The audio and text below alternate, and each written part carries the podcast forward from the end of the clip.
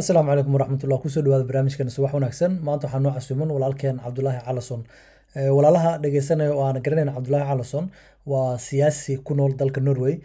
Si fiican aan uga faa'iidi doonaa waxyaabaha uu noo sheegayo iyo qaabku siyaasadda ku soo gala. Dhegeysi wacan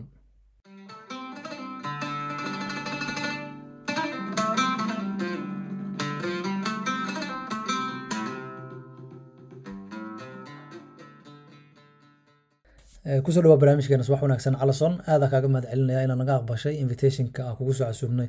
Subax wanaagsan soo dhawaaw subax wanaagsan walaalkay.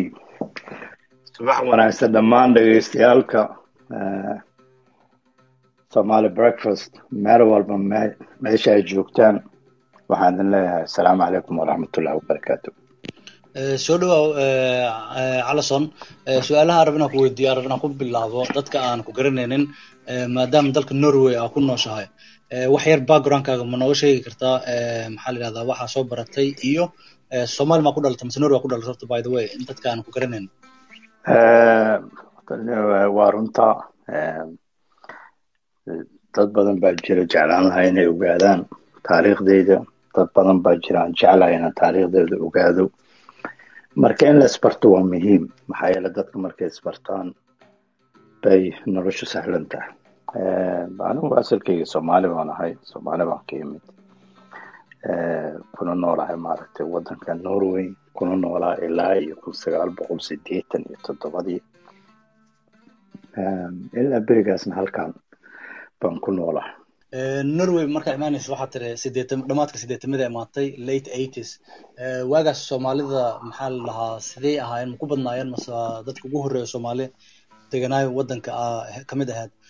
Khaasatan caasimadda maa degneed mase tuulo oo ka baxsan? Waxaa kugu ana waxaa kugu bartay adigoo tuulo kristansan la yidhahdo degan. Xagga maa ka soo bilawday mase caasimadda ka soo bilawday saadaq horta waa mahadsanta maxamed saadaq. Laakiin ka ogolaan maayo magaaladeeda inaad tuulo ugu yeerto. Kristansan tuulo maaha waa magaalo.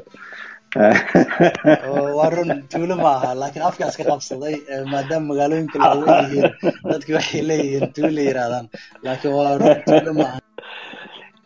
Waa runta dhibka jira waxay tahay horta su'aashaada marka hore balaan ka jawaabo markaan waddanka imaanayay waxaa joogtay soomaali tiradoodu iska yar tahay. Inta badan waxay ahaayeen dad maaragtay seaman asalkooda ahaa reere iyole iyo maaragtay koox yar oo soomaali ah. Waktigii anigu aan waddanka soo galana bayn ahayd waktigii berigaa dadku ay waddanka imaanayeen groupka iyagii markaa yimi qaar waxay ka yimaadeen india qaar waxay ka soo galeen. Bakistan oo waxbarasho arday bay halka ka ahaayeen qaar waxay ka yimaadeen dhinaca carabta. Anigu waxaan ka yimid dadkii tooska ugu yimid geeska africa waddanka markaa soomaalida iska daaya madooga xitaa wuu ku yaraa. Oo waxaa dhici jirtay markaan saacad luqayan qof madow arki jiray waxaana deganeen markaa oo aan kow nolosha ka bilaabay oslo xere ku taalay xere qaxootiyo markaa cusbayd. Oo berigaa dhisay oo dhowr qoloo jiifa lahayd oo keliya. Dabadeetana waxaa dhiigeeyey doon ku xirnayd magaalada oslo oo maadaama dee qaxootigii kale wadamadii kale yimaadeen iiraantii timid waxaa yimid dad kuwa badan oo gaaniyaan ah baa meel la geeyo ma aysan jirin nidaam ma dhisnayn sida maaragtay hadda loo maamulo xeriyaha oo logistica loo diyaariyo berigaa ma jirin doontaa baana la dejiyey oo aniga iyo dhowr kaloo soomaaliya waxaan wada deganaan qol meeshaan cunto ka cuni jirnay dee noloshu meesha ay ka bilaabatay waxaan u guurnay waan degay magaalo yirahda west boston yar dabadeetana waxaan markii dambena soo degay magaalada clisonson intay noqoto waxaa ahaatay adigu the beginning of nineties. Ninety mid of nineteen ninety. Baan u malanaynahay markaan magaaladan soo degay hadde sidaadaba ula socotana maaragtay norway qofka ama tuulaha meel yar ha deganaada ama magaalo weyn ha deganaada serviceka waa isku mid. Qofka biniaadamkana wuxuu u baahan yahay waxa weye meel aan meesha ku noolay inuu service helo. In maaragta dhakhtarkii ay leedahay dukaankii ay leedahay dharkii aad iibsan karto raashinkii aad leedahay korontadaadii teleefonkaagii waxbarashadii iskuolka ay leedahay markay heer jaamacadood gaarto de qofka marka amba wuxuu ugu magaalo weyn. Ama magaalada gurigiisa sigoo degan buu jaamacaddiisa aadi ka soo laabanay. Marka dee horta waddankan intuu ku fiican yahay waa inta oo uma baahna maaragta qofka inuu qasama inuu magaalo weyn dego. Ilaa iyo ninetygiin anigu waxaan magaaladan u degay wax kale maahane de wax walbaan haysanaa marka wixii wixii baris laga helo iyo in ka badan baa magaaladeeda laga helaa markay noqoto de qofka binaadamka xuquuqdiisa wax nolol maalmeedkiisa. Qofkana waa muhiim markuu meel degayo inuu dego inuu shaqo u dego inuu waxbarasho u dego. Laakiin waddankaaga ka soo qax ee meel u deg inaad ku sheekaysato taa waa laga wanaagsan yahay. Inkastoo maaragtay ay dadkeenu inta badan yiraahdaan meeshaa ma deganaan karo cid lagu haysa meelaan ku sheekaysto dadka la kulmaan u baahana. Waana sax oo qofka sheeka uu u baahan yahay.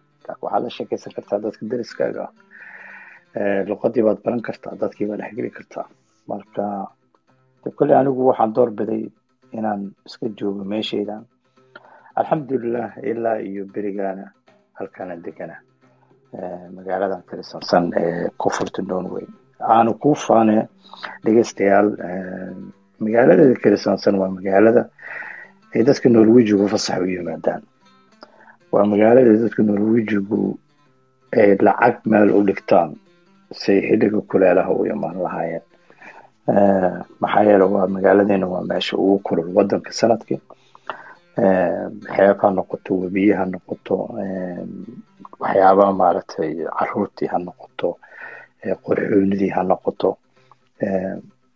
De mid maaragtay aan ku faano dadka inta badan degan magaalooyinka waaweyne markay magaaladan yimaadaan way ka maseeraan markay noqoto kuleelaha markay qaboobaha jirana sida way magaalooyin kale u qabow yihiin magaaladeena uma qabooba taana marka way kaga wanaagsan taas waa run calison anaan xaqiijin karo. Meesha aa ku soo koray ahayd tuulada tuulaha afka iska bartay tuulo in la yiraahdo. Markii dadka magaalo weyn degaan caasimada oo kaleeto markay degaan wixii caasimada ka baxsan reer norway waxay u yaqaanaan tuulo. Ma ahan kirsansan inay tuulo tahay.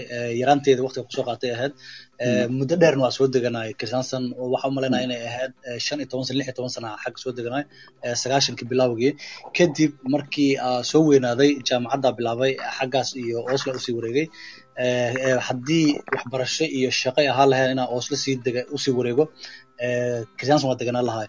Sidaa sheegtana kirsanson waxay yidhahdaan magaalada magaalada samarka fasaxa loo imaado dadka dhan ay u yaqaanaan waayo waxaa ku yaalla maxaa lalahaa meelaha dalxiiska goobo dalxiis xeebta ku taalana xeebta leedihiin calison waa xeeb marka la fiiriyo xeebaha wadanka aan ku oolin maxaa lalahaa deegaan ahaan maxaa lalahaa maadaama adigana ku jirtid siyaasadda maxaa lalahaa kirsanson waa og tahay lacag badan aa la geliyey si dadkii xeeb fiican loogu soo bandhigo waa magaalo aad aad u qurxoon raalli noqo haddaa bilowga hore international ku bilaaba tuulo tuulo ma ahan waa magaalo weyn laakiin wixii ka baxsan reer oslo markaan nahay tuulaan dhahanaa taas waa raaligelin mid haddaan ku sii weydiiyo calison marka intaada siyaasadda ku biirin shaqadaadi ugu horeysay maxaa ka soo bilowday norwejiga sidee u soo gashay suuqa norwejiga maxaa la lahaa waxa waa horta waa muhiim maaragtay qof in laga hadlo. Qof walba meel buu wax ka bilaabaa. Waa xasuustaa anigu magaaladii westfossen aan xere kaga jiray. Markii dambe waxaan isbarana wiil norweji ah wiilkii reerkiisii uu baray aabihii hooyadii. Aabihii hooyadii baa ii soo jeediyey fikradda inaan ayagii la dego. Oo sidii maaragtay dhaqankeenii soomaaliya oo kale. Baa qolkiisii sariirtii u taalay inta laga saaray baa laba joodarana loo dhigay say noo deeqdo. Marka horta taas waa nasiib qofku hadduu la kulmo maaragtay dad wanaagsan waa nasiib. Iyaga marka waxay ii dhameeyeen igala hadleen nin warshad ku lahaa tuulada oo ahayd meel dharka lagu dhaqo waxaa lagu dhaqi jiray dharka maaragta laga keeno isbitaalada gooyaasha sariiraha iyo kuwa maaragta joodariga iyo kulle barkimanka dharkooda. Waxaa kaloo laga keeni jiray meelaha lagu hayo dadka waaweyn. Waa xasuustaa maalinkii ugu horreysay shaqada tegay markii bareegii la galay baan kursiska waxaan iloobay marka dadkan meesha ka shaqeeya ahay waxay ka shaqeynayeen ugu yaraan toban sano shan iyo toban sano labaatan sano qof walba kursi buu leeyahay marka. Kursi baan iska fadhiistay naag baa soo dul istaagtay oo xoogaa berigaa adigu iska waayeela hada kursiga kursigeedii baan fadhiya anama fahamsanay mogta waan fiiriyey waan salaamay iyo maysan jawaabin naag kaloo iga soo horjeedaa waxay tiri niyo wiilyahow haa kursigaa ku fadhiso naagtan waxay ku fadhiisanaysay waxay ku fadhiisay sideed iyo labaatan sano meeshaasay fadhiisataa markay bareega gasho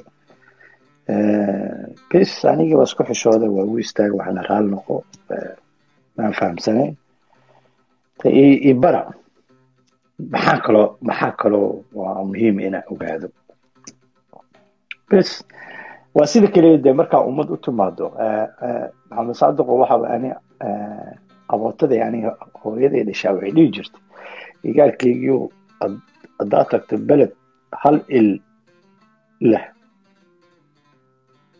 ish hal il adiga iska dabool saa dadku ugu ekaato iska ridin isha kale laakiin iska dabool marka maaha markaa meel timaado inaad dadkii hadday hal lug leeyihiin lug iska goyso maaha laakiin isku day inaad hal lug ku socoto lugta kalena aad si markaa meel kale oo laba lugood looga socda u tagto lugtaada kale u fidsato mogta marka sidaan su'aalo ku weydiiyey abootada waxay kuu sheegaysa waxay tahay integration ku baraysay waa kaasa. Waa ayadoo soomaaliya waa kaasa. Marka waxaa jira mataqaanaa dadkii anaga awowiyaalkeenii iyo ayeeyayaal iyo waxay ahayn dad khatara dad naga wanaagsan naga qalbi fiican naga aqoon badan aqoonta nolosha nooga badan. Waxay ahayn dad dadka laha maaragta street smart. Qofku markuu nool yahay waa arinimo yeelanayo. Waxaa jirta abu markii aan wadanka norway soo galay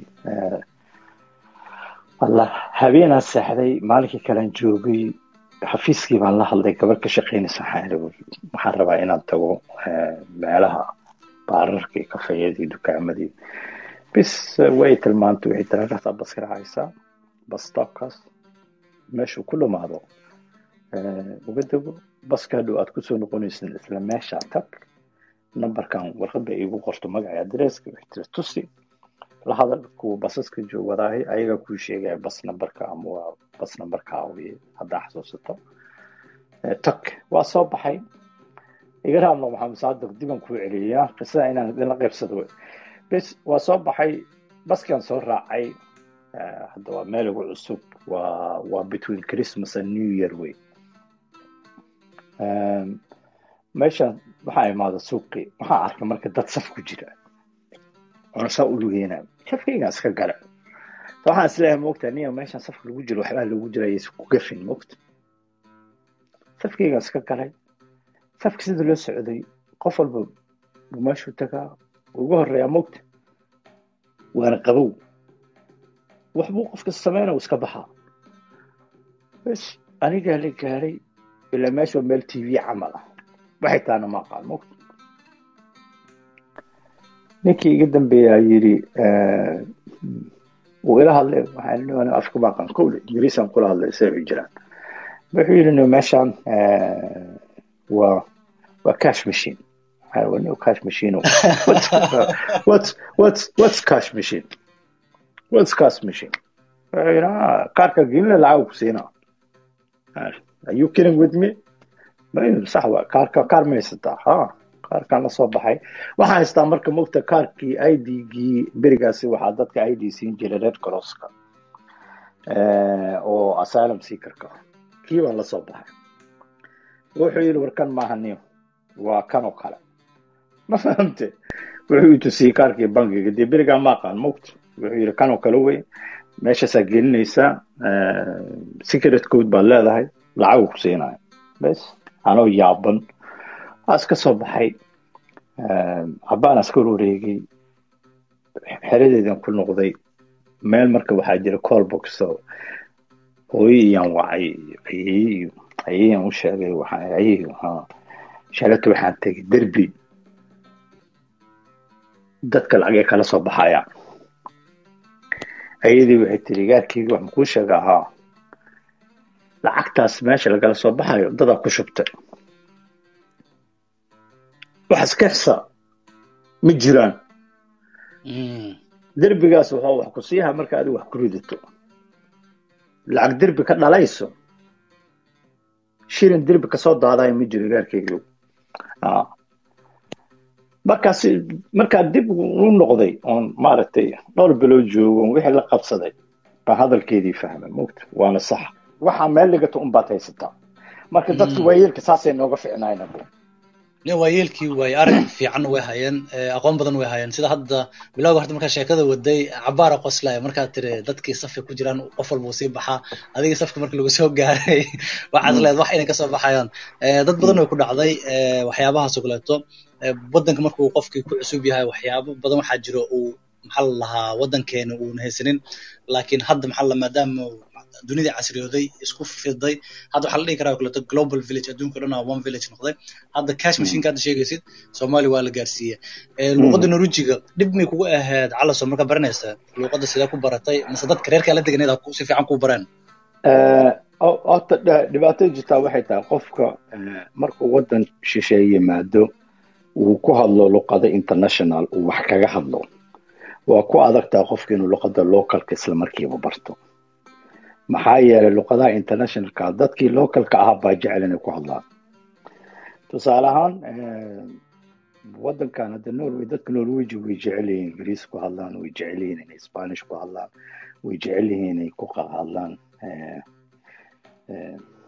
dutch inay faransiis ku hadlaan. Maxaa yeelay waa maado luqadeed ay ku doortaan dugsiga hoose dugsiga dhexe. Markay qaadanaan iyo dugsiga sare si ay maaragtay practice ugu sameeyaan haddaad dhalinyaro taha marka dhalinyarada ayagaa kula hadlayo. Dhibaatada jirtaa marka waxay ahayd markaan waddanka ku soo galnay aan soo galay dadkii ingiriisi igula hadlayen ani ingiriisaan kula hadlayo ingiriisigayga maaragtay ugu fiicnaa beriga oo hadda siduu yahay uu ka sii fiicnaa.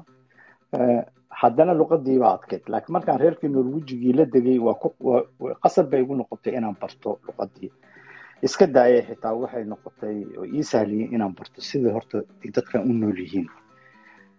Macnaheedu maaha mogtay inay sida u nool yihiin u noolaato maaha laakiin inaa fahamto waay. Qofkan deriskaaga ah hadda haddaad baxdo oo aad jowhar tagto ama aad tagto boosaaso ama aad tagto maaragtay kismaayo waxay leeyihiin there is a way of living mogta haddaadan fahamsanayn weligaa reer jowhar noqon maysid. Weligaan reer kismaayo noqon maysid. Waxaad doontaa akhri. Mogta jigjiga haddaad tagto waa saas. Waa inaa fahamtaa. Dadkan say u nool yihiin. Marka waxay bareen sida la noolaado laga bilaabo sida maaragtay cuntada loo karsado sida cuntada loo kala qaybsado maaragtay qiimaha raashinka soo haraya uu leeyahay dhibaatada ay leedahay dhaqaale wixii haddaada kala dhaqaalaysan oo aad qorshe samey maxaa nin dhalinyara haddaad tahay? Lacag yaraa ku soo gelaysa waa soo baxaysa kabaa ku soo gadanaysa adoon ka fikirin waxaa berita ku qadayn lahayd dhibkeeday leedahay mogta marka luqadiina ayagaan ka bartay waxaan bartay marka ii sahashay marka inaan barto qofna luqaduu ku hadla uu bartaa. Qofna luqadda wuxuu bartaa luqadda iyo sida dadka luqadda leh ay ugu hadlaan kow waxaan ka mid noqday xisbiga ururka xisbiga dhalinyarada shaqaalaha labor partiga social democratica youthkooda baan ka mid noqday. Maxaa yeelay wiilka saaxiibka ahaa baa wuxuu ka ahaa chairman regional chairman buu ka ahaa dhalinyarada kii igu casuumay xitaa waxaa la geeyey maaragtay jasiiradii ay dhalinyarada isugu tegi jireen. Wiig ka hor baan tagnay meeshaan cows ka jarnay rinjiyeynay waa xasuustaa markii dhalinyaradii wadanka social democrat youthka isugu yimaadeen. Ee iigu cajaabka badneed waxay tahay waxaa yimid prime ministeradii baa timid wasiiro baa yimid oo social democratic ahaa dhalinyaradii khudbadoodii waxay eedeeyeen prime ministeradii taana waxaan ka imid maogta geeska africa oo iska daa madaxweynaha inaa eedeysay haddaa sawirkiisa wax ka sheegtay lagu weynayo maogta ayadana meeshay taagan tahay waa eedeeyeen waxay yidhahdeen siyaasadaadu siyaasad horumar gaarsiinaysa wadanka maaha. Siyaasad baniaadnimo ku jirto maaha. Siyaasad maaragtay heshiiskii programka ku qornaa ay ku dhamaystiran tahay maaha. Sida biniaadamka adduunka wax loogu qabto looguma qabto. Waxaa laga hadlay iskuulle laga dhisayay nicaragua oo dhaqaalihii laga joojiyey waxbarashadii caruurtii yareed ay lahayn oo ka kala istaagtay anigii waan yaabay waxaan dhahay dhalinyaradan caawa lala baxaya caawa naagtan prime ministerkaas dad u soo diraysa caawa lala baxaya wiilashaan habeenkii marka markii dhalinyara meeshii habeenkii dab baa shidan kooxba meelay fadhisaa waa la sheekeysanaya qaar baa heesayo qaar baa dood sameynayo qaar baa dhinac iska shukaansan haweeney gabdhaha waa waa ogtaa dhalinyara hadda meel isugu yimaadaan waxun baa kala socda weydi laakiin meesha joogteen ma waxay ahayd maxaa la lahaa maxaa la lahaa meelaha isugu imaadaan sida hadda utoy wax la yirahdaa jirto meesha la lahay oo maxaa la lahaa caasimada ku taalo. Meel saas oo kale miya isugu imaadaan summer camping. Waa utoyada naftigeeda wey. Okay. Utoyada naftigeeda wey. Marka berigaas marka waxaa waxaa social democratic youthka madax u ahaa ninka hadda ah nato general secretareka ah yanis stoltenberg baa madax u ahaa. Bes oo waktigaasaan isbarana isaga iyo dad badan oo wasiiro hadda wadanka soo ah ka ahaa iyo dad xisbiga weli ku jiray berigaasaan isbarana dhalinyaradan wareysta waxaan war maanta dooda dhacday. Baan ka fikirsanahaye say waxu jiraan bes wixii dhalinyarada anna waa ay wareysteen waxay yidhahdeen ka war dhulkaa ka timid yidhi maba la hadli karo. Iska daa madaxweynihii haddaad sawirkiisa wax ka sheegto adigii reerkaaga waa laidin weynaya. Marka de waxay ii waxay isiisay mogtahay fursad ah marka inaan ogaado in wadankan siyaasadiisu ay tahay mid aniga aan baahi u qabay. Waan u sheegay wiilku waxaan yidhi waxaan rabaa maaragta inaan active noqdo inaan ka qayb qaato. Dhalinyaro badan baan isbaranay oo wadanka ka kala timi. Beriga oo social democratic youth ka tirsanaa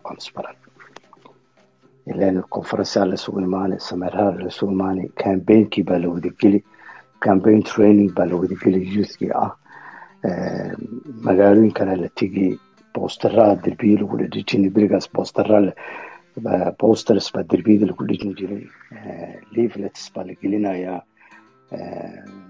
sanduuqa boostooyinka xaafadaha ya bitsa laisla cunay wixii baa waad isbaranaysaan mogta saasaa marka ku tegi jiray utoya markii dambena dhalinyaronimadaad ahayd sooma marka dhalinyaronimadii oo bilawga hore ka soo bilaabaysa waa bilow siyaasad waa ka. Marka macnaheedu waxa weeye marka siyaasadda maanta aan ku jiraay midaan weynin ku bilaaba maahane waxa weye mid anigoo dhalinyar aan soo gala wey haddana maaragtay qofka markuu xisbigu doona ha ka tirsanaado movementigu doona ha ka tirsanaado hadduu movement youth ka soo bilaabo oo isla movementigii uu ku soo koro u barto wuxuu baranaya ideolojiyadii wuxuu baranayaa maaragtay sababta uu sidiisaba u rabo inuu uga mid noqdo siyaasaddan qofkiyaa isbaranaya isaga naftigiisa. Hadda waxaa jira alxamdulilah dhalinyaro badan oo wadanka ku dhalatay oo adigoo kala oo youth social democrat ka tirsan ama ku soo barbaaray berigii xitaa maaragtay allah u naxariiste ninkan oo terroristaha ah lixdan sagaalka dhalinyaro ah uu jasiiradaasi hadda aan ka wada hadlaynay oo aan ku bilaabay siyaasadda uu ku dilay waxaa ku jira dhalinyaro soomaali ah ee norway ku dhalatay marka dee way ka duwan yihiin mogta qofkaa soo socdo weyn markuu xisbigii ka mid noqdo uu siyaasaddii soo galo ama la soo doorto uu yidhahdo anigu siyaasiyan ah dee dhibteeday leedahay waxaan la kulmay dad badan oo siyaasiyiin ah oo xildhibaano ah ee soomaaliya xildhibaano ka. Ah xildhibaannimadii waa mid ku salaysan qofkii inuu yidhi anigu xildhibaan baan raba inaan noqdo. Ma aha mid ku salaysan mabaadi ma aha mid ku salaysan fikrad qarameed uu rabo qofkii qaran ahaan inuu wax ugu qabto uu isbeddel ku sameeya maaha maxaa yeelay qofka markuu siyaasi yahay waa qof barnaamij ay soo diyaariyeen ama uu wax ka soo diyaariyey raba inuu wax ku maamulo wey ha noqoto waxbarashada ha noqoto caafimaadka ha noqoto sida fakrinimada looga baxo ha noqoto dhismaha waddooyinka guryaha cisbitaalada iskuulada ya sida canshuurtii loo qaadi lahaa sida canshuurtii loo qaybsan lahaa sidii maaragtay nabadgelyadii loo abaabuli lahaa sidii haweenka iyo gabdhaha xuquuqdoodii looga hadli lahaa. Wa waa barnaamij diyaarsan oo qofku dee uu soo yiri taa iyo taaban ku dagaalamaya. Mogta laakiin qofka hadduu yidhahdo anigu waxaan rabaa inaan xildhibaan noqdo aan qabiilkayga matalo siyaasad kuma dhisna marka qofkii lama oon karo siyaasi maaha waa qof matala ah. Wuxuu matalaya qofkan qabiilkiisii. Meela garataa bo si fiican kula gartay siyaasadda horta soomaaliya calason qaabkay ku soo bilaabatay lagu soo dooranayo laguna soo xulinayo xildhibaanada dhinacaasu qalad ka bilowda waxay u baahan tahay sixitaan badan. Waxaa sixi karna waxay tahay dadka qurbaha joogo ama hadda sida adigoo kale siyaasi ah in haddii ku dhegeysanayaan xataa talooyin iyo advice isid siyaasadda soomaaliya calason intaan ku sii taraarxin su'aalaha horta backgroundka horta waa si fiican u helnay. Midda kale oo aan la yaabo waxay tahay dhinaca oo siyaasadda soomaaliya waxay tahay nin waxaa arkaysaa xildhibaan ama maxaa ambasador ah ama xilalkii ugu waaweynaa waddanka hayo laakiin la taliyihiis uu yahay labaatan jir iyo soddon jira. Meesha la rabay opposite inay ahaadaan la rabay in uu maxaa la soddon jirka markuu xilka soo qabanayo iyo xildhibaanada uu soo qaadanayo in la soo mentorship gareeyo. Advisorn ay ka dhigtaan dadkii waaye araga ahaa toddobaatamadi sideetamadii sagaashamadii ku sii jiray oo khibrad u leh oo ku soo gubtay siyaasadda. Laakiin hadda soomaaliya waxaa moodaa nin toddobaatan jir siddeetan jira ah waxaa la talinaya nin soddon jira so meelo badan waxay u baahan tahay in laga saxo siyaasadda soomaaliya. Taas waa dhinaca soomaaliya. Haddaa ku dheeraan waxaa malaynaya inay maxaa lahaa. Meel dheer nala sii gaarto siyaasadda soomaaliya. Waa ka sii gudbeynaa calason waxyaabaha oo markaas siyaasadda norway soo gelaysa oo caqabadaha aad la kulanta maxay ahaayeen? Haddaa ka bilaabno waxaa rabnaa inaan fiirino maxaa la lahaa ups and downska rabnaa inaan fiirino. Intaana maxaa la lahaa upska gelin downka muxuu ahaa downsideka waxyaabaha negativeka aad la kulantay oo hor istaagay. Haddii noqoto soomaalida inay yidhahdaan ninkan caddaan iska dhigdhiga gaaladii uu dhex galay ama haddii caddaanka kale cusurnimo waxyaaba inaad ka dareetid qasab dabcan qof soomaali maadaama tahay wax waad dareemaysaa oo cusurnimo ama caqabada yarar oo kariyerkaaga abo horta su'aasha weydiisa mid muhiim ah waay. Sababtoo ah qofku wax walba uu samaynayahi wuxuu la kulmi karaa wanaag iyo dhibaato labadaba. In maaragtay laisla qaybsado waarinimada waa muhiim. Waxaa kaloo muhiim ah haddana maaragtay in laisdhiirigeliyo sababtoo ah dhibaatadii aniga aan la soo kulmay ama aan la kulmo ama aan la kulmi doono mid saa ku dhammaanaysa maaha. Haddaan anigii ka sheekaynin dhalinyaradiina aysan dhinacoodii siyaasadda kaga soo qayb gelin waa run oo maaragta markay noqoto dhinaceena markay noqoto dadkeenu kuma wanaagsana kuma wanaagsana inaan isdhiirigelino oo waxaa lagu leeyahay ninkaan maaragta wuxuu isku maleeyaa norwegian. Ma fahamta ama siyaasaddii qodobo badan bay leedahay waxyaalo badan baa looga hadlaya haddii la rabo maaragta waxaa laguga eedeynaya maaha siyaasaddaad inay cunta laakiin waxaa sarka ugu jira waxay tahay inaad qabiil kala tahay horta dhibaatada wayna haysataa. Oo qofkii soomaaliya norwejiga raba inuu siyaasadda galo dad baa ka soo horjeeda waxay uga soo horjeedaana maya waxaa laga yaaba xitaa in af norwejigaba xitaa aysan si fiican u fahmi karin. Iska daa siyaasaddii waddanka ka socota inay fahmaan. Saa garata ma marka dee horta dhibtaas way jirtaa. Waxaa kaloo kuusii raacsisanaa waxay tahay sidaad la socotaba marmar ka dambayso waddamada westiga waxaa ku soo kordhaysa naceybka eedeynta loo qabo dadka ajnabiga ah kaas ahaan dadka madowga ah dhibtoodu ma yara oo dhib badan baana haysta markaad marka la fadhiisato dadkii dadkii waddanku u dhashay oo aad la doodo oo aad tiraahdo maya waa khaldan tahay saana saxsan. Dad baan u adkeysan karin xisbiyada kale ka tirsan ama xisbigaa kaala tirsan. Ee ku fikiraya war adigu waddankii waaba timida si ku ogaan kartaa waxaa annaga noogu wanaagsan. Adoo socotaa waddanka timid. Taa horta way jirtaa oo taa waxaa ugu tegeysaa soomaaliya ugu tegeysaa cunsurnimada soomaaliya ka jirta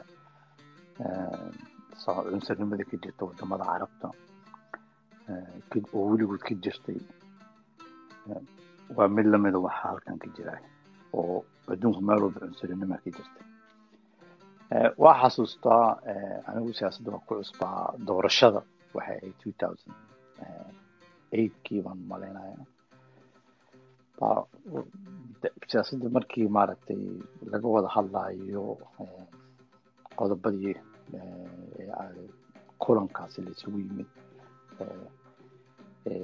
xisbiyadii kala duwan ee wada fadhiyaan baa doodii baa waxaan kaga wanaagsanaaday nin xisbiga necab ajnabiga ka tirsan bes hadalkiisii mikrafoonku qabsaday markii dambe wuxuu yidhi waxaan maaragtay arkaa in aan helnay nin ninka africa ninka ugu madow ah ee negerka ah inuu maanta halkaa nagala qayb qaadanayo siyaasadda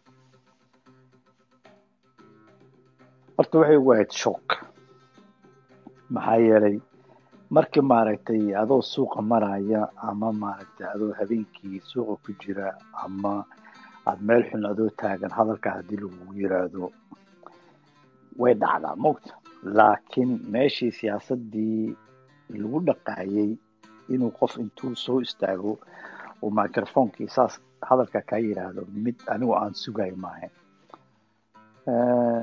ninkii markaa maayarka ka ahaa magaaladeena waxba kama oranin. Gabadhii markaa anaga noo ahayd group leaderki noo ahayd social democraticii baa microphoneka qabsatay maxaa yeele sharciga wuxuu yahay waxay tahay qofka hadduu hadal khalad ku dhawaaqo waa inuu maayarka microphoneka demiyo uu yiraahdo hadalka uma ogeli meetingka. Ogow markalena ku noqon raali noqon uu yiraahdo qofka kale. Ma uusan samaynin maayarka waagaas calison xisbiga oo ninka saas u hadlay muu ka tirsanaa mise xisbi kaluu ahaayo wuxuu ahaa xisbiga maya xisbiga midigtuu ahaa aniguna xisbigeena social democratic waxaana dhinaca bidixda mogta. Marka xisbigii ninki muusan hadlin gabadhii aniga group leaderka noo ahayd kooxdayna la soo doortay na hogaaminaysay. Ilan koox walba waa inay qof hogaamiye yeeshaa haddii kale meeshii isku dhexyaysaa mogta. Gabadhii baa ii dooday waxay tiri afkaagu way ii timaytay afkaagu hadal ka soo bixin it clean. Bes waa iska aamusay. Inkastoo aan ku dhawaado maaragtay inaan intaan microfonka na qabsado maaragta aan caayo. Waa ka ha. Ilaaha iga badbaadiyey. Jooraaladii tviyadii meel walba wadanka idaacaddii wadanka inta tv idaacadda sheegta wadanka oo dhan baa ka hadashay. Meel walbaa looga hadlay ninkii markii dambe maaragtay joornaalku ku yiri war waa khaldamay ha layga raad noqdo. Joornaaladii wixii ay wareysteen waxaa la yidhi maxaa ka leeda de hadalkii waxaans dhaha marka nin hadalka ninkan wuu ku yiri ciil kastoo ku qaban wuu ku hayaa. Hadduu public qofkan kaa yidhaahdo raalli gelin baan rabaa inaan siiyo. Haddaad tiraahdo raaligelin kama rabo you ended up losing mogta you have to be better than him. Qofka inaan ka wanaagsanaato waa qof kastoo dembi kaa gala hadduu ku yidhaahdo niyow raalli noqona. Maaha qofka inaa inaa ku dhibto maaha raallig inuu raaligelinta ku siinayo ama daacata ka ahaato amase ka ahaan. Ummadaasoo dhan oo maqlaysa qofka hadduu ku dha raalli ahow waxa u diida gardarra waa maxaa yidhi waa raalli baa ka ahay? Dhibaatan uma arko waxaana rajeynaa maaragtay inaysan mar kala dhicin horta waa tii ugu horreysay ahayd. Siyaasaddan kala kulmay cunsurinimada cunsurinimadii marka niyow maxamed saadiq waxay tahay laba nooc. Mid waa midda aad maqlayso o aad arkayso. Midna waa midda aad dareemayso. Midda aad maqlaysaa oo aad arkaysaahi tan ku dhibaateynaysa maaha tan ku dhibaateynaysa ee saanta kugu raabanaysa waa tan aad dareemayso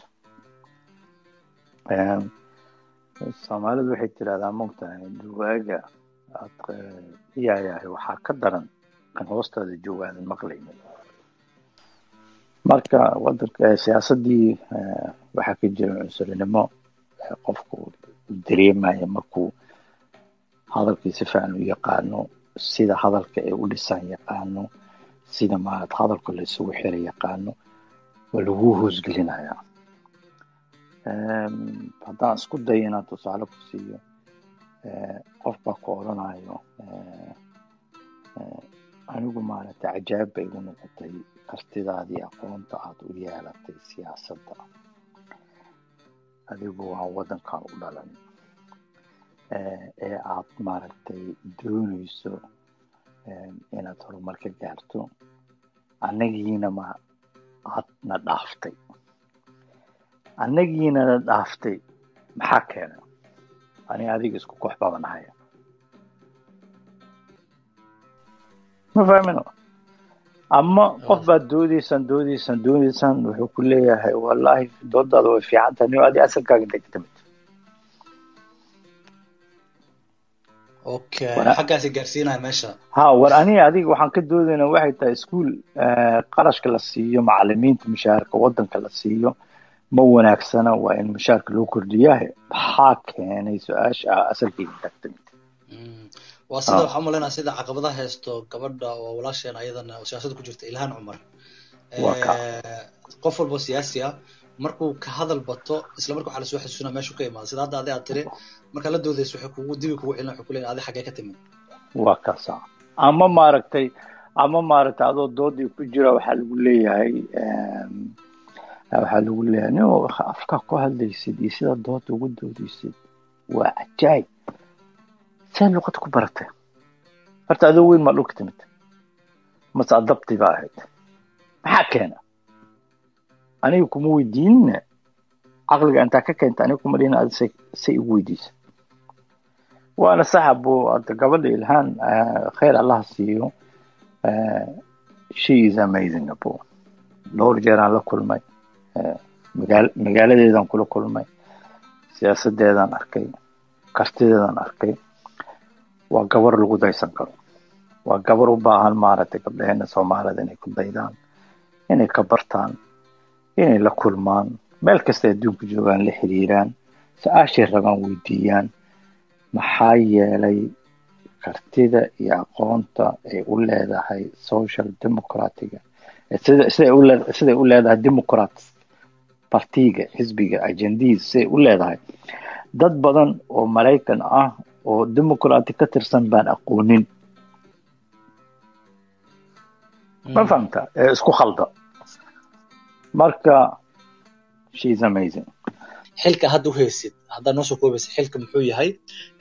Sideena maxaa la lahaa? Hore ugu socodsiin karnaa bulshada soomaaliyeed magaalada aad degan tahaade niyo horta waxa weye xilkan haya waxay tahay je waxaan ahay hogaamiyaha committiga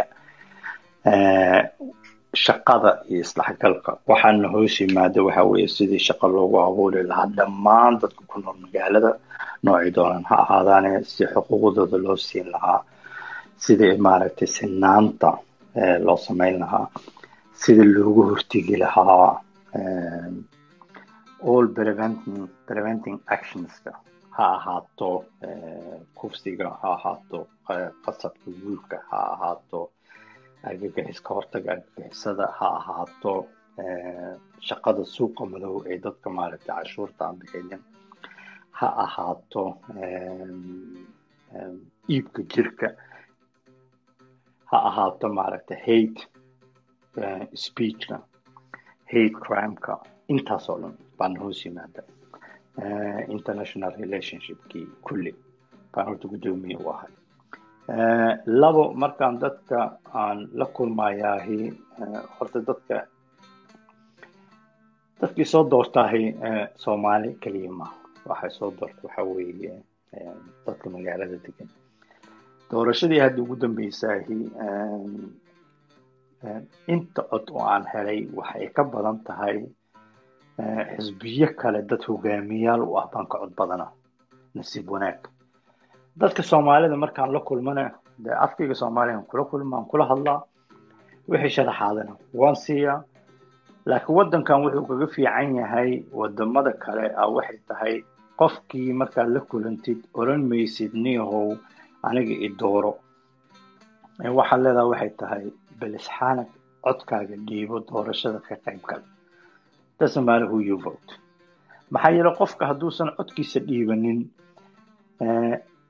wuxuu iska wuxuu iska wuxuu iska lumiyey xaqiisii marka markaan cambaynka samaynaynaahi warbixinteynii baan siinaa laakiin hadal ahaani qofka lama yiraahdo idoora aniga waxaa la yidhaahdaa codkaaga dhiibo calas waxaa ku weydiinaa maadaama oo maxaa la yidhahdaa siyaasi aad tahay siyaasadaada marar badan waxaa ka arkay social mediaha adigoo wadamo kale maxaa la yidhahdaa shaqo u tagtay sida ay ka mid taho kaleeto africa kenya inay ahayd maleyna iyo wadamo geeska africa iyo dhinaca far east asia shaqooyinka ka qabata haddaa wax yar dulmari kartid waxyaabaha aad bulshadu qabatid inaynan ku koobneen dalka norway khaasatan magaalada kristanson inay ku koobneen iyo safaradaada maraykanka haddaa wax yar nooga sheegi kartid waxyaabaha ka soo qabata xagga abba horta waa runta waxaa maaragta nasiib u yeeshay maxaa yeelay qofka marka uu la kulmo dad kale uu la shaqeeyo dad kale aqoona ugu kordhaysa waarinima ugu kordhaysa faa'iido badan buu gaarayaa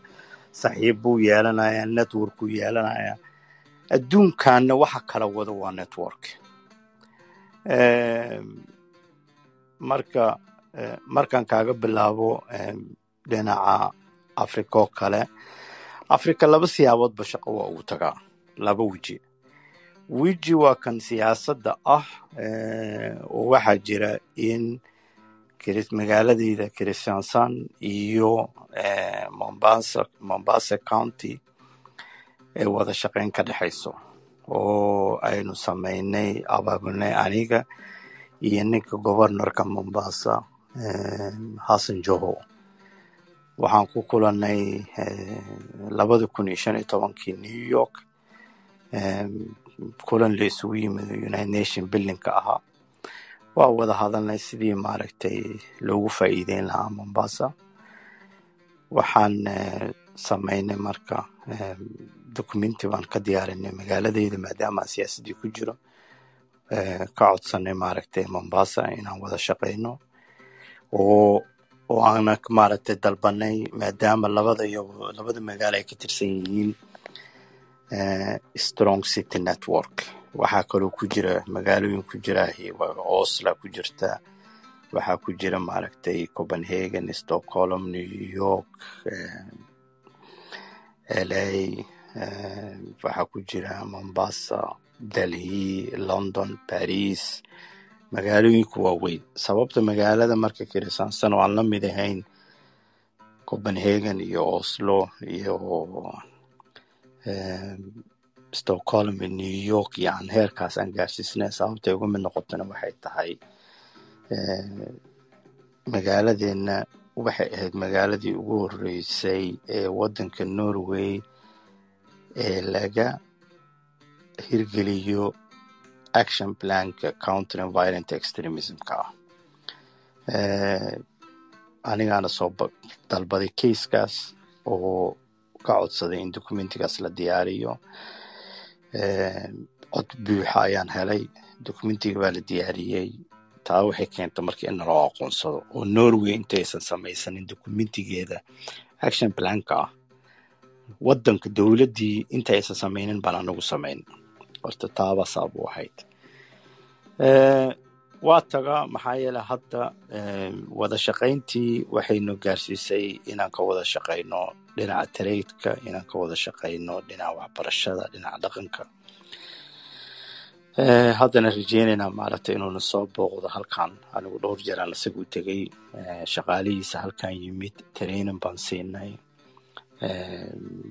marka markaani waxaa la imaan doonaa waxay tahay investors ba halkan imaanaya asaga uu hogaaminayo iyo dhalinyaro ilaa toddoba ah oo ayaguna workshop i qaadan doono dhalinyaro kale ee entrepreneurship ah ama dhinaca jaamacadeed ay la kulmaan si ay uga faa'iidaystaan investorskiina waxay la kulmayaan kuweena halkan ee ku jiraahi maaragtay dhaqaalaha fiicana ka sameeya dhinaca badda dhinaca saliidda iyo tourismka.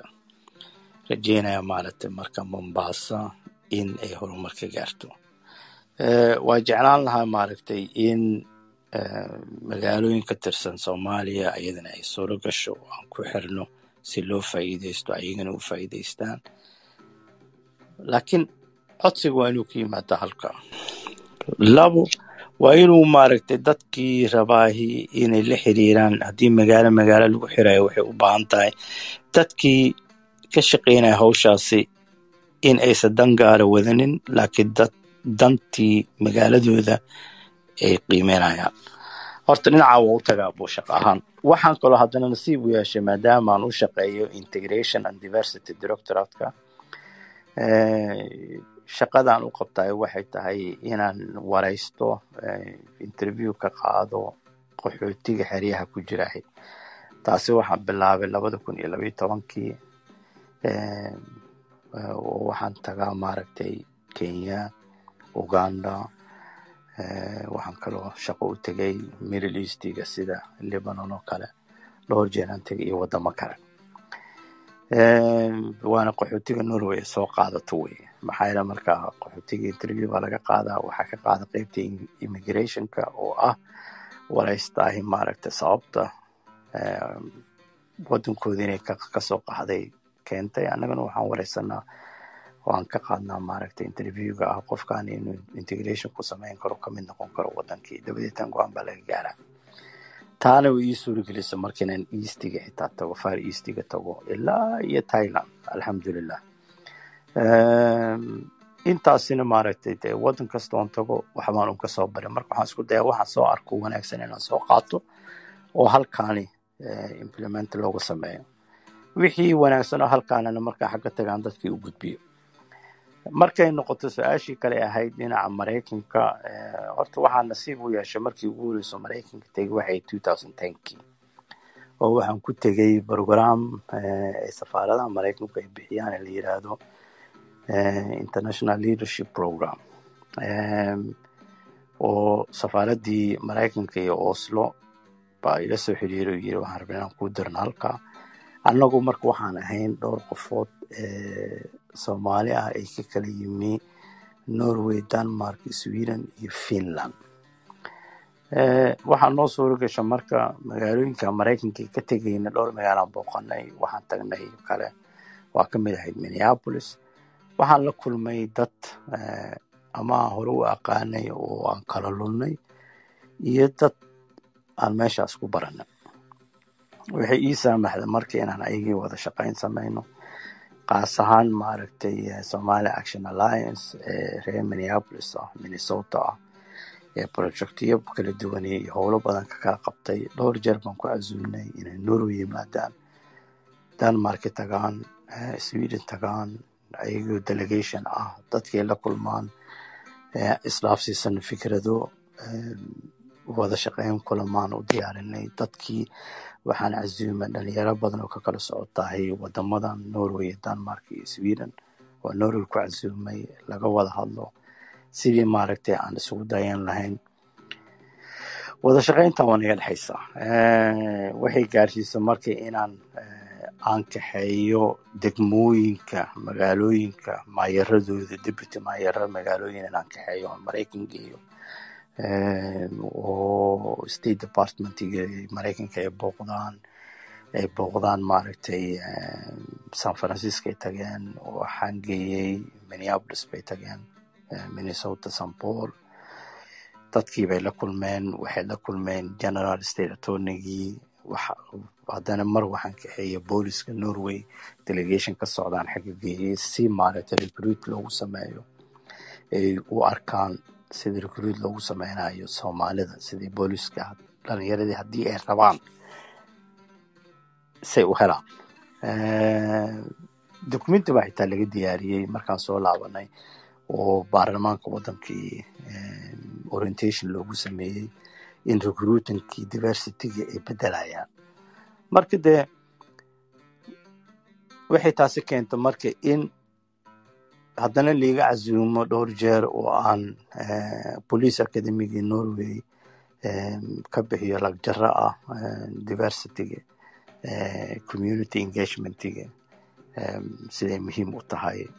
Waana fikrada maaragtay aan ka soo arkay ama igu abuurmay markaan maraykan tegey markaan waddamada kale tegay sida carabta oo kale inay muhiim tahay boolisku waa inuu u ekaadaa sharciga waa inuu u ekaadaa shacabka uu nabadgelyadooda ilaalinayo. Laakiin haddaysan isku ekayni waxaa adag sida kalsooni loo abuuro. Marka abuurtaan oo hadal ku dheeraanin waxyaabahaas baa sabab u ah inaan meelahaas tago. Talena waxay iga taha waxay tahay qof kasta ee soomaali ah asalkiisu soomaali yahay maanta ingiriis ah faransiis ah dutch ah scandinavian ah maraykan ah hadduu doona ha ahaado dhalashada uu haysta ee carab. You always have something to learn and you always have something to offer waa run taasaa been ahaan. Waxaa u jeedaa calason inaa waxyaabo badan bulshada u qabanaysay in maxaa la dhahaa far eastiga tagtay iyo maxaa la dhahaa dhinacan xagjirka inkastoo xagjirka ku soo badanayay geeska africa sanooyinka ugu dambeeyey wada shaqeynta soomaalida iyo siyaasiyiinta isku xiraysidna waa wax aad u fiican. Mis leedahay sida hadda maraykanka oo kale sida hadda waa sheegaysay booliska oo kaleeto inay recruiting fiican ku sameeyaan. Maadaama ay norway ku yar yihiin haddana fakir khaldan ay dadka qabaan. Midda kale aan rabina mid kalena waxaan rabina ku weydiiyo maadaama ka dhawaajisay safaaradda maraykanka iyo arrimaha oo dhinacaas markaa gashay fakir khaldan horta soomaali haddaana waa ka qabnaa. Waxaa jiroo kale dad aaminsan maanta haddii aniga adiga oo laba maalin oo lagu arka anagoo u sii soconno safaaradda maraykanka ama safaaradda norway meelay noqotaba. In dadka yidhahdaan dadkan waa dad jaajuusiin taasna waxaa keenaya kula tahay dhaqankii soomaaliga in cabsi laga qabo safaaradaha in la booqdo in cabsi laga qabo boolis in la noqdo iyo waxyaabahaas maxaas leedahay ma dhaqan ahaana ma wax oo maxaa keenaya adiga fikirkaaga marka bulshada ku soo jirta maxaa kaaga baxay? Waxaa berigoo la dhihi jira aqoon la'aani waa indho la'aan.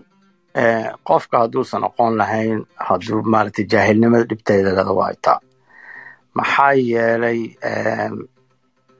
safaaradda inaad la xiriirto ama aad dowladdaada safaaraddeeda la xiriirtahay sababo badan baa keenay. Waxaa muhiima marka qofku inuu fahamsan yahay war safaaraddan meesha ku taallaahi maxay aniga ii faa'iideyn kartaa? Maxay aniga maaragtay dadkayga u qaban kartaa? Waxaa jirta norway waxaa lagu qabtay konferensigii ugu horreeyey ee adduunka ka dhaca waa markii ugu horreysay ee la qabto conferency adduunkao dhan ee ahaa somaly nordic youth conference. Kama aysan dhicin somaly middle east youth conference kama aysan dhicin somaly european youth conference kama aysan dhicin adduunka somaly east african youth conference kama aysan dhicin. Weligeed lama qaban norway baa ugu horreysay nordiga ugu horreeya norway bay ahayd sababta keentay in la qabto somali nordic youth conferencena waxay ahayd fikrad aan la qaybsanay safiirkii maraykanka beriga ee la oran jiray berry white ee dadka soomaalida aada u jeclaa. Markaan fikraddii u soo jeedinay wuxuu yidhi waan qabanaynaa.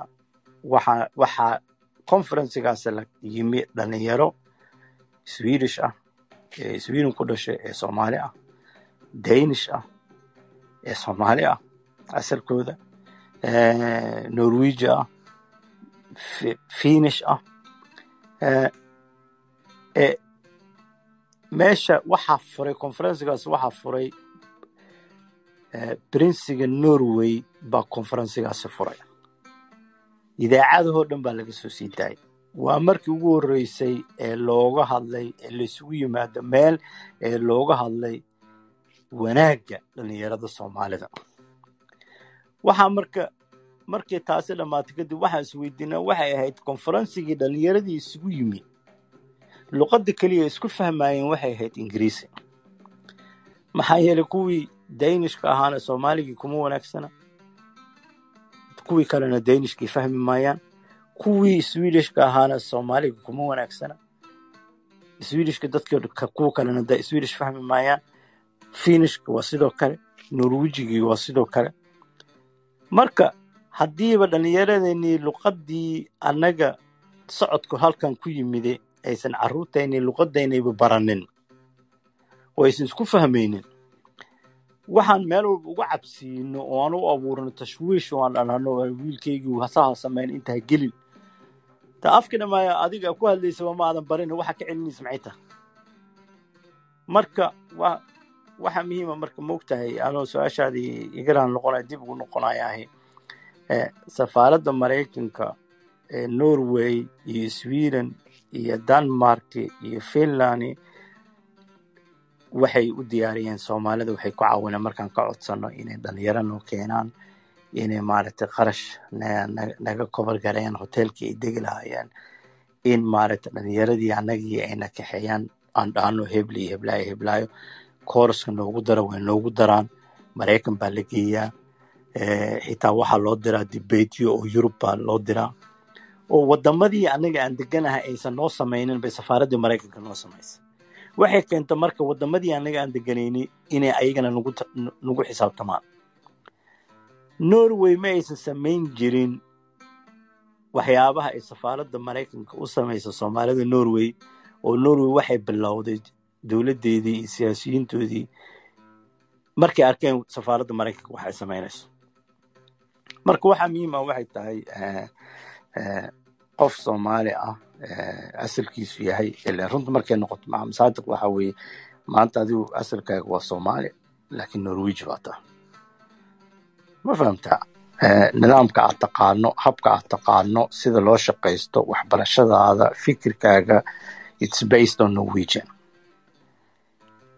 in marka haddii aad safaarad marka haddii aad safaarad la xiriirto oo aad ula xiriirto saad dadkii kale wax ugu faa'iideyn lahayd in gadaashaada dad makhaayad fadhiida turub ciyaarayna ama waa jaajuus ninka jaahilnima u geynaysa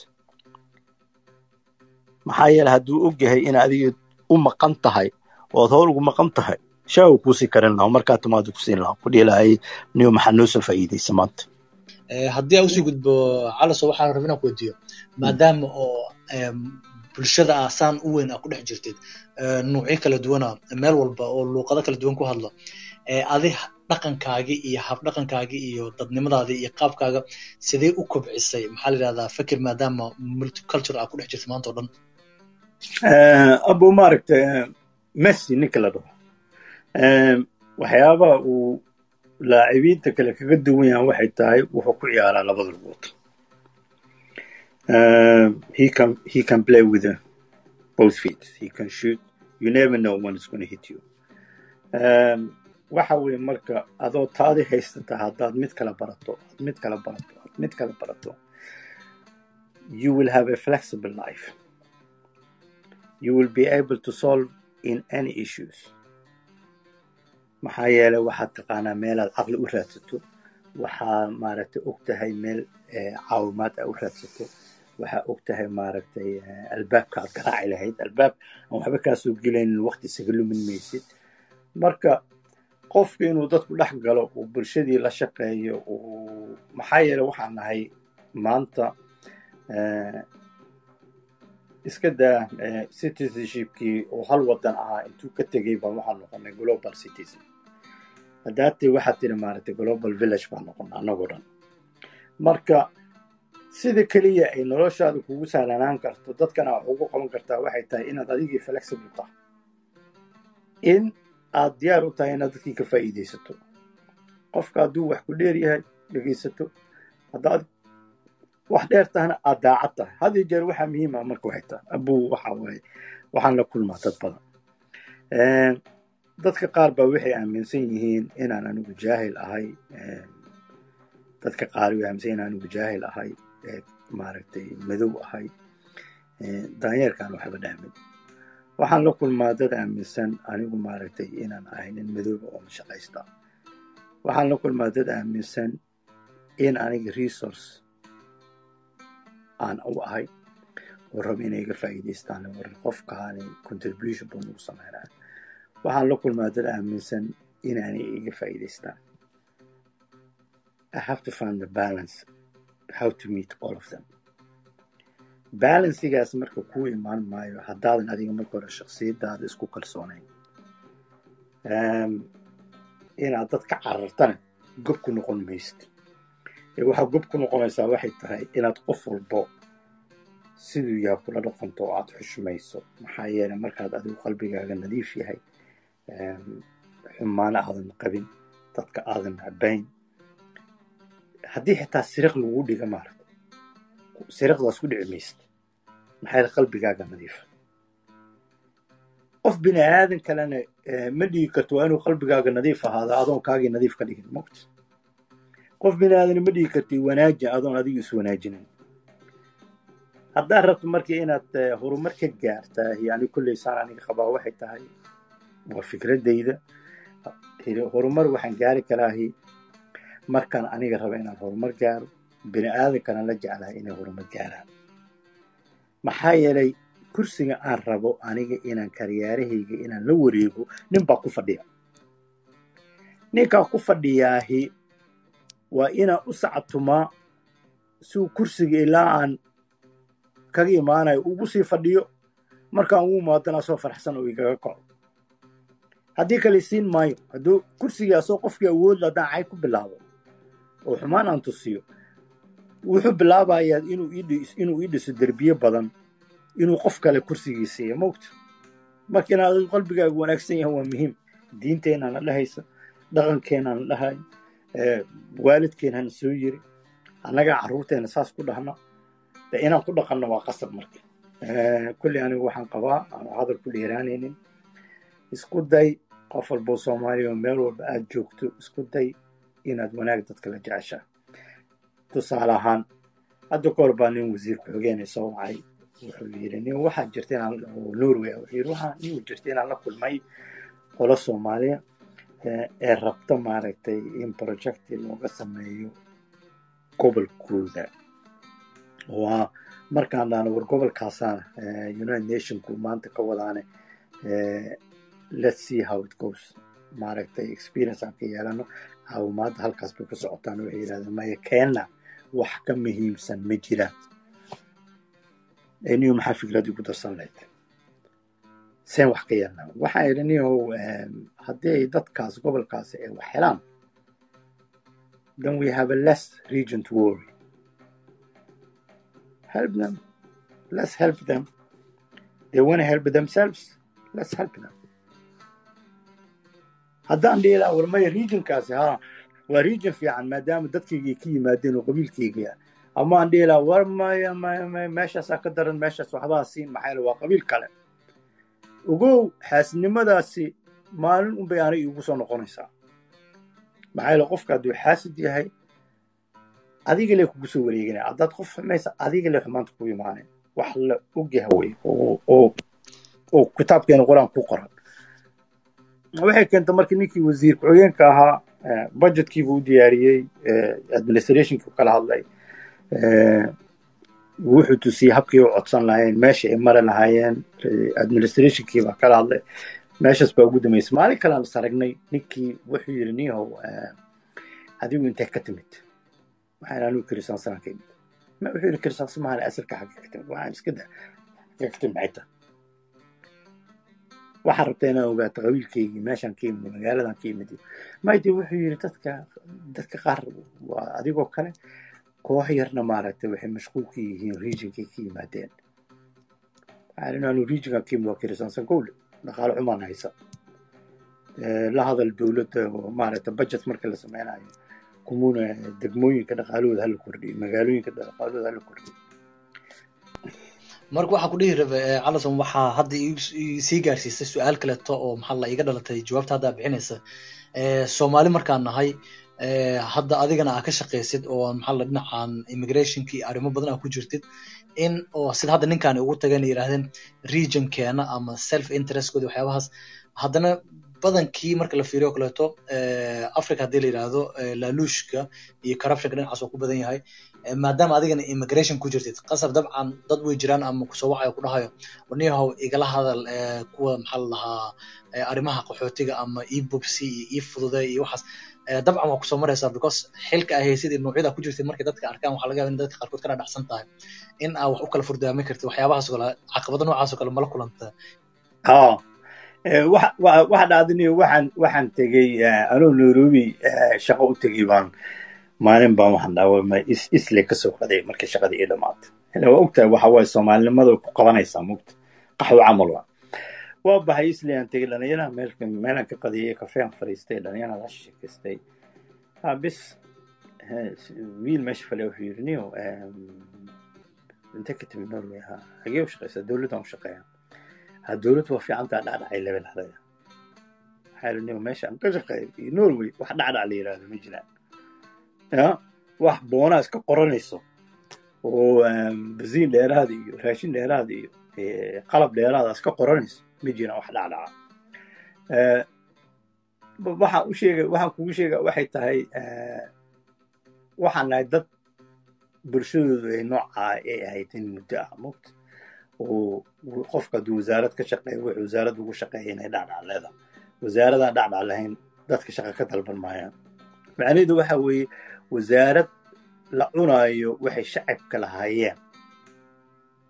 Baa popular ah. Wasaaradda aan lahayn wax la cuno oo shacibkii dhaqaalahoodii aysan ulinna cid rabta male marka taa way jirtaa dad badan way ila soo xiriireen way dhacdaa. Qof baa ku soo wici hadduu doon wuxuu ku soo wici saq dhexe wuxuu rabaa inuu kaala hadlo qof kale ay qaraabo yihiin oo waddanka degan oo sharciga loo diida ama maaragtay degme aysan qaadanin. Waddankanina kama soconayso waxaa sababtoo ah wax walba waxay leeyihiin control bay leeyihiin system bay leeyihiin. Maalinkii lagugu qabto shaqada lagaa eryayaa ama marka ama jeclaa waa jeclaan qof raba inuu shaqadiisa risk ugu sameeyo ma jiro kow. Labo markaad muddo meeshan ku noolaataa buu waxa waxa ogaanaysaa in xaqa wax ka wanaagsan aysan jirin. Haddaad qofkan soomaaliga maanta aad garab dheeraad wax ugu qabato qof kaloo maaragtay asagana qax ahaa ee dhib soo maray waxaa laga yaabaa inay tahay. Tusaale ahaan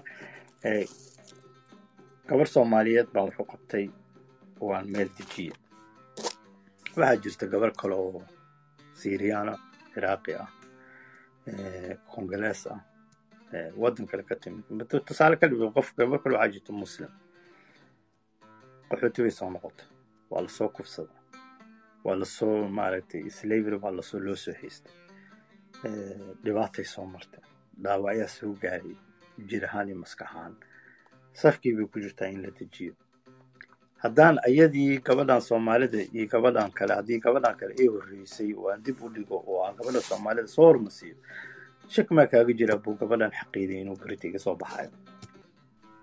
Marka qofka waxa fiican mogta sideedaba inuu sideedaba og yahay hawsha aad qabanaysid waa inaad si sharciga aad raacdaa xaqana ku dhaqantaa adaa raalli ah inaan kaa dhex galo ma jiraan qof aan fahamsaneen calason inuuna sharciga deganaanshaha dhiibin laakiin oo weli waxayn fahamsaneen oo marka ku weydiiyaan niyaho waxaas waxaas iga caawo waxaan ii kala fududay. Waa ku jira niyaho waxaan ma samey kari walaalow sharciga dowladda ani waxaad gudbi kari gacanta kuma hayo deganaashahaaga inay u arkayaan ay leeyihiin ninkan waa xaasid. Sida hadda exampleka carabka ku dhufatay oo ay leeyihiin kan waa xaasid. Fakir noocaasa ayagoona ogeen inaad waxba qaban karin oo sharciga aad ka dul tilaabsan karin. Waa jiraan doo intaas xitaa waa xasuustaa hooyada intay nooleed baa xitaa layidhi wiilkaaga gaal buu noqday. Marka dadka dee waa kala duwan yihiin. Mogta dad baa telefonka uga caynaya markaad tirahdid raali noqo waxaa ma samayn karo. La hadal maaragtay case handlerkaaga ama qofka caseskaaga haysta la hadal. Ama aad tirahda maaragtay la hadal orod waxaad tirtaa xafiiskeeda arrinkan u qaabilsanaa. Ee halkaa hawshaada ka soo qabsaad tirahda ku caynaya dad baa xaasid ku dhahaya dad baa intay maqaayad fadhiistaan warkaas waa doqon. Nin wax kale maaha laakiin dadka intooda badani markaad jawaab siiso waxay og yihiin inaadan ayaga intaad xaqdarro ku samayso qof kale wax u qabanaynin. Way ku ammaanaya waxay ku leeyihiin qofkaana waa ninkaasa waa nin wanaagsan. Wixii saxad ugu tegaysaa marka dadka caytama ama maaragtay khaladka fahamsana waa dad iska yar. Runtii markay noqoto. Dadka soomaalida waa fiican yihiin igu darneedaa waxay tahay adoo igalaan noqonayo telefon baan ka jawaaba hadda kahor marka ima inaan soomaali ahay mogta marka nin baa nin u tarjumaya soomaaliya anigu ila hadlaya. Wuxuu yidhi ninkaas ninkaas saasa saasa baa arrinkaas rabo in looga jawaabo. Bis waxaa yidhi dee ninka saasa adiga ku ag taagan ma kuu qoriyo warqadda ogolaanshaha inaad arrinkiisa ka hadli kartid wiilkii ninkii soomaaliga marka ninka kale u sheegaya mogt wuxuu yidhi wasaqajaankii gaalka muxuu yidhi mataqaanaa. Warqada kuu sooxo inaan kuu hadli kara in kale. War waa cawaanu le kan kale. Wasakh waay wasakh. Faa'iida male ima oga moogta aniga inaan soomaali ah. Af soomaaliga inaan la fahmayo ma oga. Markii jawaabtii wixii aan rabeen aan uga jawaabay hadalkii noo dhamaaday waxaa af soomaaliga kula hadla waxaa dhegeyso adoo la hadl noqonayo bini aadanka ilaahay abuurtay ha aflagaadayn ha u gefin gaalka wasakha iyo hadhihin xisho isluubta wax ka fiican ma lahana ninkii talaafinkii igula jiray wuxuu ku hadli waayey marka dee waxyaabahaas oo kalea dhaca mowta qisiinka noocaas oo kalea maxaa yeele qofka markuu ku soo waco kuma kala garanayo inaad norwij tahay in kale ilaa qofkii uu si fiican kuu dhegaysta mogta ajnabigana maaragta waa iska dhib badan yihiin dadka majoogada ku cusub yihiin because wax ma filanayaan xilka a haysid iyo meesha ka shaqeynaysid inuu qof soomaali fadhiyo so isla markii assumptionkooda wuxuu yahay inuu qof ajnabi la hadlayaan luqadan uu la fahmaynin waa wax aad iyo aad cajiib ah horta maxaa la dhahaa calison aad oo maasanta waqtiga maanta na siisay mid kalena ay maxaa la dadka dhegeystayaasha ogeena jirto. Waagaa yaraay qofka ugu horreeya shaqada igu encourage garay adigu ahay oo geeyey shaqo turjuwan markii aad deganaa kirsansan taas horta aada kaaga mahad celina waxaa la yidhahdaa qofka intuu nool yahaa flowerkiisa la siiyaa aan loo mahad celiyaa. Beri ka maalin la dhaha maahan calaso nin fiican oo hasaan isaan ii samey in laakiin mahad celinta qofka loogu mahad celiyo la yidhahdo waa ku maasan tahay shaqada inaa gaarsiisa encouragement maadaama uu barnaamijkan wax wanaagsan mar walba aa ka hadalno sidee dadka loo inspire gareeyaa see loo dhiirigeliyaa see horumar loo gaarsiiyaa? Waxaa xasuustaa markii aa ka baxay dugsiga sare in anigoo markaas raadisa oo isdhahayo dugsiga sare waa ka baxday jaamacad weli ma aada gelin in aa maxaa la dhahaa aragtay oo hadhowte maxaa la family friend waa ahayd familku waa taqaana waxaa tiri warniyahow haddii aa weli shaqo helin practice ku soo qaado. Meel turjuwaana ku geena meesha turjuwaanka af soomaalina waa taqaanaa xaggaas ka bilow kabacdina experience markaa heshid shaqooyin ku sii tilaabso kadibna shaqadii ugu horeysa adigu waa qofka geeyey haddana waxaa gaaray ilaa heer oo muddo aa ka shaqeynayo bangiyada ugu waaweyn ee waddanka sideed sana ka soo shaqeynayay. Taas waxaa rabnaa kaaga mahad celiyo maxaa ku dhiirigelin lahayd dhalinyarta oo maxaa la yidhahdaa mustaqbalka rabaan inay maxaa la yidhahdaa horumar noloshooda ka sameeyaan meel walba adduunka joogaan ama haddii noqoto inay meel fiican ka gaaraan siyaasad. Because shaqada ugu horeysa waa muhiim inuu qof maxaa la sida haddaa carabka ku dhufatay networking waa muhiim. Sidee maxaa kula tali lahayd dadka dhegeysanayo dhalinyaroy meel walba adduunka meesha aad ka joogtaan shaqo ceeb ah ma jirto ee shaqa la'aan baa ceeb ah. Haddii aad waxbarasho ku jirto waktiga aad fasax tahay noocay doonto ha noqoto. Dhuldhaqis baswadid waayeelka la shaqayso makhaayadaha dukaamada administrationka ilaahay waad boostaalo ka noqotaa bangi berito qoraalkaagay kugu qoran tahay inaad soo shaqaysay intaad ardayga ahayd. Kow labo qoraalkaagay kugu qormaysaa in dadka aad la soo shaqaysay ay kugu qanacsanayeen qofaan weligiis shaqaynin ee soddon iyo shan jir ah ee intaas wax baranayay norway way adag tahay inuu shaqo helo. Maxaa yeelay waxaa la weydiinaa waxay tahay weligaa ma soo shaqaysa hadduu doono ha haysto double master ha haysto. Way adag tahay inuu shaqo helo. Sidaas ayaan marka kugula talinayaa.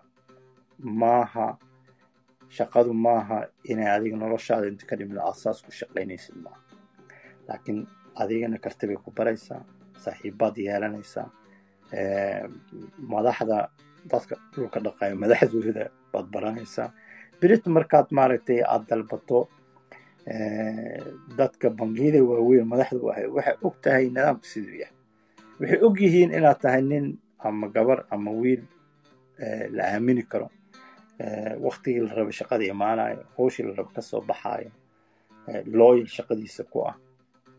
Marka tale iga tahay shaqo raadso waktiga fasaxyada ceebna maaha shaqo.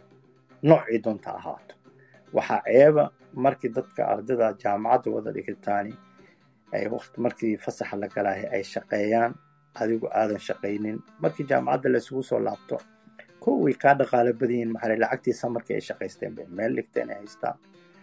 Labo waxay ka sheekeynayaan meelihii ka soo shaqeeyeen. Adigu sheekadii kama qeyb qaadan kartid. Macnaheedu waxa weye noloshaadaad markhaati ka taha marka noloshaada markhaati ha ka noqon.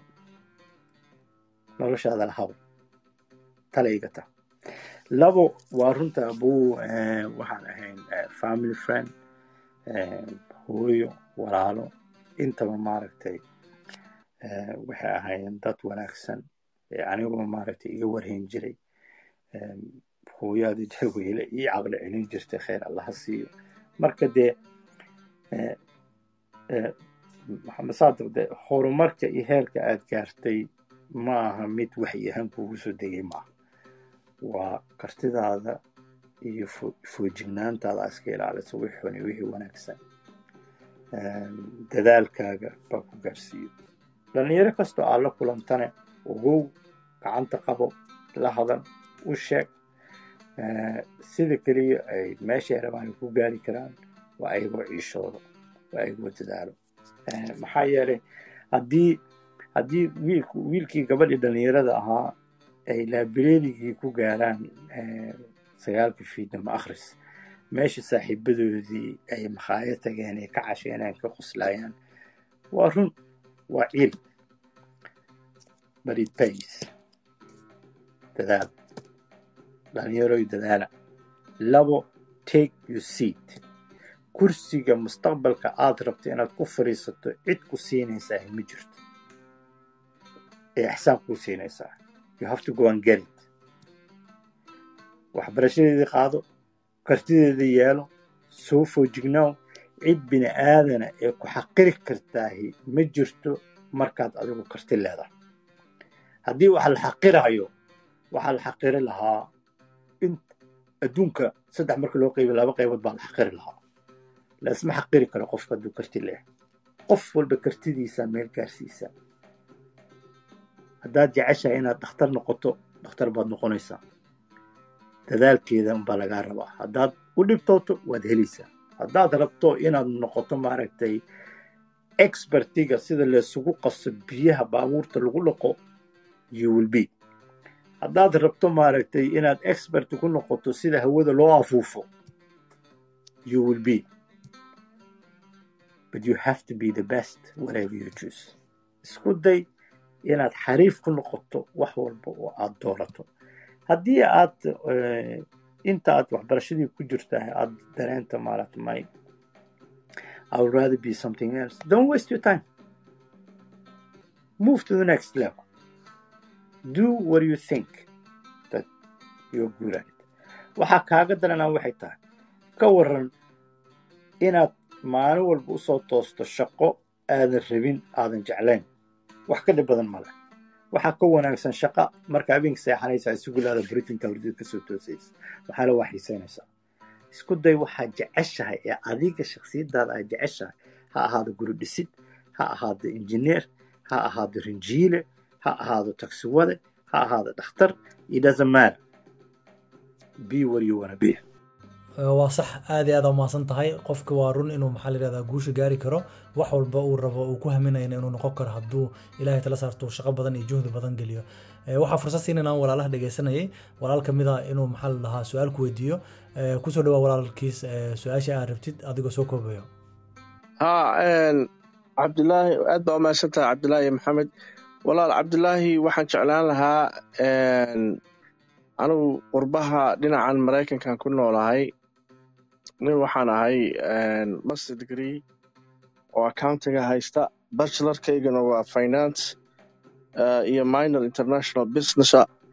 Waxaan jeclaan lahaa sidii maaragtaa bal haddii wax tala ah sidii aan dalkii waxaanaan soo bartay saddex iyo toban sanaan ku shaqaynayay qaybtan statekan u shaqeeyaa qaybta revenuega iyo budgetinka samaysa laakiin waxaan jeclaan lahaa balniow dee hadda maaragta afartankii baan hadda fordigii baan galay. Dee waxaan inaan anigu u ekaato ma rabo inaan dadkii dalkii iyo bal sidii aan aan maaragta wax fikradaan doonayaa sidaan dalkii intaan u noqdo agency miyaan furi accountinga haddii la furo dee macnaha wax faa'iida malaha hadda maanta xilligan la joogo ma keenayso laakiin bal jaamacadihii dhalinyaradii sidaan bal wax uga faa'iideyn lahaa bal waxay tala ah. Waan jeclaan lahaa cabdilaahi iyo maxamed ba inay igu darsataan. Calaykum asalaam waraxmatullah walaalkeen. Reer maraykan. Horta aad iyo aad baan ilaahay ugu mahad celinayaa kartidaada horumarka aqoonta. Inta aad gaartay ma hadda ilaahay baa iskale haddana adigu waa mahadsan tahay aqoonta iyo dhibaatada aad u marta inaad wax barato oo aad maanta statekii aad dadkii deganaa aad bajerinkii dhaqaalihii aad wax ugu qabanayso. Sida aad maraykanka ay caan ugu yihiin oo maaragtay adduunkan ay caan looga barta maraykanka waxaan la yidhahdaa head hunting ee ah dadka aqoonta lahay waa la iska xadaa dad baa ku shaqaysta qofka aqoon leh qofka caqli badan shaqo u ofargareeya intay shirkad ka kaxeeyaan shirkad kala geeya ama waddan ka kaxeeya waddan kala geeya. Horta nasiib xuma maaragtay waddankii asalkii annagu aan ka wada nimi meel kastoo aan dhinacan doonaba aan ka wada nimaadne east africa oo dhani ma lihin hair hunter hair hunting. Dad maaragtay ku shaqeeyaahi ee adigoo kale intay kula soo xiriiraan ku ofargareeya maxaa yeele adigu waad nooshahay nolol baad haysataa waad shaqaysaa guri baad degan tahay family baad leedahay. Dee boorsada iska xirxiro iska dhaqaaqi socon maysa bogta waa inuu qofka qorshe ku baxaa horta ma jiro. Labo way ficnaan lahayd in maaragtay dhinacii jaamacaddii aad contribution ku samaysaa haddana jaamacadihii wasaaradihii shaqooyinkii markii ay dadka shaqaale siinayaan. Waxaa laga yaabaa in adigii aqoontaadii iyo waxaagii aan lagugu siinin ee qof kale lagu siiyo. Inuu reer hebel yahay la yiraahdo. Intaasoo reer hebel waa inay wasaaraddu heshaa maxaa yeelay sidaa la socotaba soomaaliya inkastoo anigu aanan deganayn kuna noolayn kuna noolaanin soddon iyo saddex sano. Haddana inta jeeraan tegey iyo dadkii aan la kulmay iyo wixii fikrada markaas igu abuurmaan waxay tahay agaasimeyaalka wasiirada maaragtay bosishanada markuu qofku maaragtay section leader noqonayo waxay doonta waxaa lagu bixiyaa qabiil qabiil. Marka dee dhibaatadaasna wayna haysataa mogta marka waxaan kugula talinaa waxay tahay niyow markaad fasax hesho adigu bax east africa meel alle meeshii adigu aad is leedahay meeshaas ba ugu habboon. Ka tag indhe indhe inaaga ku soo arag haddii ay kula habboonaato inaad ama investment ku samayso ama sharing knowledge ku samayso ama institution ka abuurto institute ka abuurto ama maaragtay wasaaradihii ama bangiyadii aad la xiriirto baan kugula talin lahaa maxaa yeelay wax adigoo maraykan joogaahi laguu sheegaahi oo qof kaloo soomaaliya ee meel kale joogaahi waddan kale oo westerena joogaahi oo kuu sheegaahi meelna ku geyn maayaan waxna kuu qaban maayaan waa lagooyo waxaa indhaha ku soo aragtaa fiican. Three weeks vacation uh, off qaado visit uh, see how things is going. If you like it go for it. Haddii kale meeshaada iska joog meel ilaahay lagu sug waa joogtaa laakiin yaan lagulu goynin. Yaan been laguu sheegin lagu oran haddaad timaado maaragtay salaad dhisanaysaa intaad ka dhacayso kidaka maxaa yeelay adigu inaad sare dhiso uma socotid waxaad rabtaa aqoontii aad qaadatay inaad dadkii u gudbiso sida keliya marka aad go'aankaas ku gaari kartaa waxay tahay inaad indhaha ku soo aragto. Tale intaasay iga tahay waddankii tag walaalow soo arag.